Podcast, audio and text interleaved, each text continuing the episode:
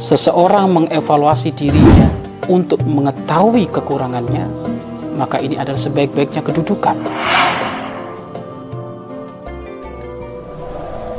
Ayo gabung program wakaf tanah dan bangunan Al-Bahjah Buyut.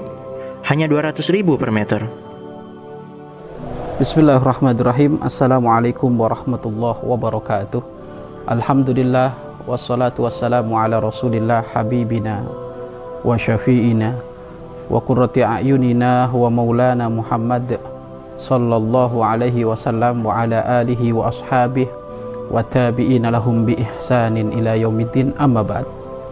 Sahabat-sahabat fillah yang dimuliakan oleh Allah Subhanahu wa taala. Sebab tidak berpengaruhnya nasihat.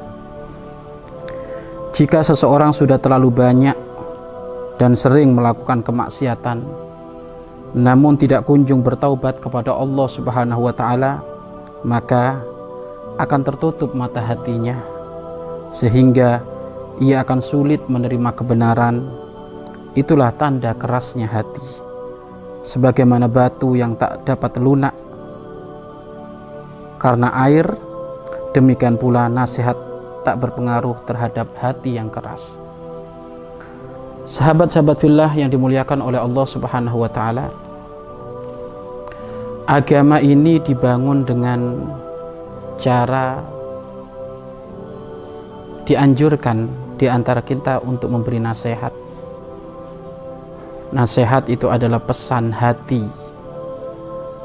Pesan penyejuk hati untuk menggugah kesadaran kita akan kelalaian-kelalaian yang pernah kita berbuat. Maka berbanggalah jika ada orang mampu dan rindu senang untuk memberi nasihat kita. Karena dengan adanya orang-orang yang seperti itu, maka tentu kita akan menjadi hamba-hamba yang soleh, menjadi hamba-hamba yang soleha. Sehingga Baginda Agung Nabi Muhammad Sallallahu Alaihi Wasallam beliau bersabda, Ad-dinu nasihah. Ad-dinu nasihah. Agama itu nasihat. Liman ya Rasulullah. Untuk siapa? Untuk siapa ya Rasulullah? Lillah. Nasihat artinya berbuat baik kepada Allah, berbuat baik kepada Al-Quran, berbuat baik kepada Rasulullah. Maka memberikan nasihat ini artinya saling mengajak kebaikan. Akan tetapi nasihat yang harusnya mudah mudah diterima, sejuk didengar oleh siapa pun, menjadi senangnya hati, menjadi kelegaan hati. Tiba-tiba nasihat ini akan menjadi berubah sesuatu yang tidak dihiraukan sama sekali, bahkan tidak akan membekas ke dalam hati kita. Tak ubahnya batu yang begitu keras sehingga tidak akan berpengaruh tetesan air hujan yang mengenai batu tersebut, maka hati pun bisa seperti itu. Sebabnya apa?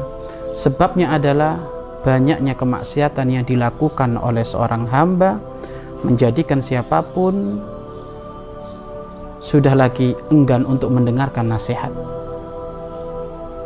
Sehingga kalau telinganya dinasehati itu terasa panas, duduk ada di majelis ilmu seakan-akan di bawah pantatnya itu ada bara api. Tidak begitu senang. Baru duduk sesaat dua menit tiga menit sudah enggan untuk berlama-lama ada di situ. Kenapa ada orang tidak mau diberi nasihat seperti itu? Bahkan mungkin di saat dia melihat majelis ilmu pun dia sudah menutup diri. Waduh majelis ilmu dinasehati nanti Bahkan ada orang kalau diajak ke majelis ilmu itu sudah sudah menghindar dulu. Kenapa kok bisa seperti itu? Padahal disepakati oleh para ulama Majelis ilmu adalah taman-taman surga Allah Subhanahu wa taala. Majelis ilmu adalah tempat mengundang ridho Allah. Majelis ilmu adalah tempat di situ Allah mengkabulkan banyak doa. doa. Majelis ilmu adalah termasuk majelis yang di situ banyak makhluk-makhluk selain manusia memintakan ampun kepada siapa pun yang datang di majelis itu. Tetapi kenapa di antara mereka kok banyak tidak tidak bergeming dengan pahala-pahala yang begitu dahsyat dari Allah di dalam hadir majelis untuk memberi nasihat mendapatkan nasihat dari para ulama. Sebabnya kenapa? Karena kekerasnya hati. Lah kerasnya hati ini sebabnya apa? Kemaksiatan yang sering dilakukan tanpa ada pertaubatan maka menjadikan hatinya keras. Sehingga kalau sudah hatinya keras ya tidak akan berpengaruh apa pun. Dikasih nasihat Al-Quran tidak akan berpengaruh. Dikasih nasihat hadis-hadis baginda Nabi Muhammad pun tidak akan berpengaruh. Diberi kalam-kalam solihin, ucapan-ucapan dari orang-orang soleh pun tidak berpengaruh Kenapa? Karena begitu kerasnya hati, lumuran kotoran dari maksiat-maksiat yang ia lakukan akan tetapi tak kunjung dia bertobat kembali kepada Allah Subhanahu wa taala. Maka kalau sudah hati keras seperti ini, maka ketahuilah tanda dia akan menjadi orang yang sengsara.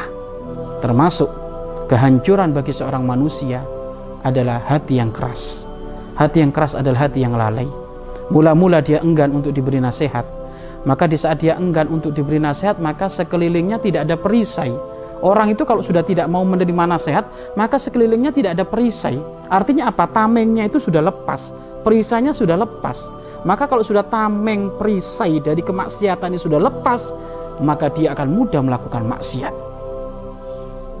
Bahkan di saat dikatakan hei itu barang haram. Barang haram enak saja. Wong rasanya enak kayak gini kok barang haram. Haram bagi lo, bukan haram bagi kita. Lo kenapa dia menjawab seperti itu? Diingatkan urusan riba pun tidak lagi enggan untuk untuk mengikuti. Diingatkan urusan perzinaan, diingatkan urusan korupsi, diingatkan urusan pendoliman. Mereka semuanya tidak menganggap itu sebagai pendoliman. Awas, puncaknya keras hati adalah jika dia memahami pendoliman bukan sebagai pendoliman, itu adalah kerasnya hati memahami yang haram bukan yang haram itu kerasnya hati yang mencetuskan urusan haram dan halal itu murni langsung dari Allah melalui lisan baginda Nabi Muhammad SAW melalui syariat melalui para ulama bukan asal-asal orang yang mencetuskan halal dan haram. Lo ini kok nggak mau? Sehingga banyak kalau orang itu diberi nasihat tanda hatinya keras itu kalau diberi nasihat dia lebih sibuk dengan yang lainnya. Main HP lebih cenderung cuek tidak mau dengar. Kenapa? Karena hatinya keras. Maka mudah-mudahan Allah menjauhkan dari kita kerasnya hati. Mudah-mudahan Allah memberikan kepada kita lembutnya hati. Bagaimana cara melembutkan hati kita? Perbanyaklah taubat kepada Allah Subhanahu wa taala. Memang kita ini manusia yang tidak sempurna. Mungkin sekali banyak kemaksiatan yang pernah kita lakukan, tapi segera kembali kepada Allah. Sehingga apa? Setiap kemaksiatan yang kita lakukan di saat kita kembali kepada Allah, maka kemaksiatan tadi itu tidak akan nempel mengerak di dalam hati kita. Seakan-akan kalau kita tobat, maka kemaksiatan itu sudah digosok, dihapus oleh Allah Subhanahu wa taala sehingga tidak menempel. Kalau sudah tidak menempel, maka hati tetap bersih, bersinar. Loh kalau sudah hati itu bersih, bersinar, Masya Allah, mendengar Al-Quran sejuk, mendengar hadis baginda Nabi Muhammad syahdu mendengar kalam-kalam orang-orang soleh nasihat-nasihat orang soleh bergemetar hatinya bahkan tidak, tidak akan mudah dia untuk menitikkan air mata menangis sehingga kalau sudah mendengarnya seperti itu terkagum-kagum merasa syahdu merasa rindu maka ini akan menjadi tameng perisai sehingga dia tidak akan melakukan kemaksiatan kepada Allah tidak akan melakukan bentuk kejahatan-kejahatan apa pun Kenapa? Karena di saat dia melakukan kejahatan dia ingat, oh ini maksiat dosa nggak boleh. Ini menjadikan nanti aku akan disiksa oleh Allah di kuburan. Oh ini tidak boleh menjadikan aku nanti masuk neraka. Loh, nasihat itu perisai. Nasihat itu tameng untuk menjadikan kita ini tidak terjumus dalam urusan kemaksiatan. Akan tetapi ingat, perisai itu akan nampak sebuah perisai bagi bagi tubuh kita untuk tidak berbuat maksiat kepada Allah selama hati ini lembut tapi kalau sudah hati nggak lembut, yakni keras, dan juga kerasnya hati, sebab musababnya adalah juga adalah karena makan yang haram, doyan makan yang haram, korupsi, mengambil haknya orang, maka ini juga menjadikan hati keras. Kalau sudah hati keras, bahkan naudzubillah min dalik, ada sebagian orang yang hatinya keras mengatakan, lebih baik aku masuk neraka, nggak apa-apa, yang penting aku di dunia hidup enak. Bagaimana kalimat ini? Ini kalimat orang nggak ada iman, menunjukkan hatinya keras. Dia belum pernah mencicipi neraka sehingga dia dia mengatakan lebih baik aku masuk neraka. Karena di sana banyak temannya. Iya, temannya seton, temannya iblis. Tidak muncul kalimat seperti itu kecuali memang hatinya keras. Dan bahaya orang yang seperti itu. Kalau dia sudah sudah rela masuk neraka, kira-kira perisai yang tadi rasa takut untuk melanggar Allah sudah lepas itu. Karena dia sudah rela masuk neraka. Kalau sudah orang tuh ngomong, aku rela masuk neraka, maka kemaksiatan apa pun akan ia lakukan. Kemaksiatan apa pun akan ia lakukan. Urusan dengan Allah sudah tidak lagi ia pedulikan. Nggak bakal dia sholat, nggak bakal dia puasa, nggak bakal dia bayar zakat. Urusan dengan Allah pasti akan dikelewati. Bahkan puncaknya dengan sesama manusia dia pun akan kejam. Dengan sesama manusia pun dia akan kurang ajar. Kenapa? Karena perisai tadi itu sudah hilang. Rasa takutnya kepada neraka sudah hilang. Rasa takutnya kepada Allah sudah hilang. Rasa takutnya kepada ulama sudah hilang. Hati-hati.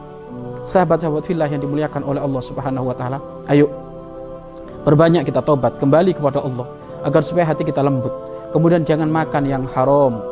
Jangan makan yang haram, mengkonsumsi urusan yang haram karena itu juga semuanya menjadikan sebab hati itu keras. Kalau sudah hati itu keras, maka kehidupannya adalah tidak akan indah dengan keluarganya ia akan keras. Bahkan ia akan menuntun keluarganya untuk bermaksiat. Kecuekan kepada keluarganya, anaknya nggak sholat biasa. Anaknya melakukan dosa biasa. Istrinya melakukan dosa biasa. Kenapa? Karena hatinya keras. Maka naudzubillah min dalika hati keras tanda dirinya orang yang hidup sengsara di dunia dan di akhirat. Maka siapa pun dari pemirsa, ayo kita semuanya nanti bercermin kita. Nggak usah ngaca orang lain, tapi cermin untuk diri kita, bagaimana hati kita. Kalau kita dengar nasihat itu bagaimana? Menerima, seneng, lapang dada, ataukah sebaliknya? Merasa tersinggung, merasa angkuh, merasa benar sendiri, bahaya ini. Dan itu semuanya sebabnya adalah kemaksiatan kemaksiatan yang terus-terus dilakukan tanpa ada pertaubatan. Mudah-mudahan Allah membimbing kita semuanya untuk mudah taubat kembali kepada Allah Subhanahu wa taala dan mudah-mudahan taubat kita diterima oleh Allah Subhanahu wa taala. Wallahu a'lam bissawab. Mari berinfak untuk operasional lembaga pengembangan dakwah Bahjah Buyut.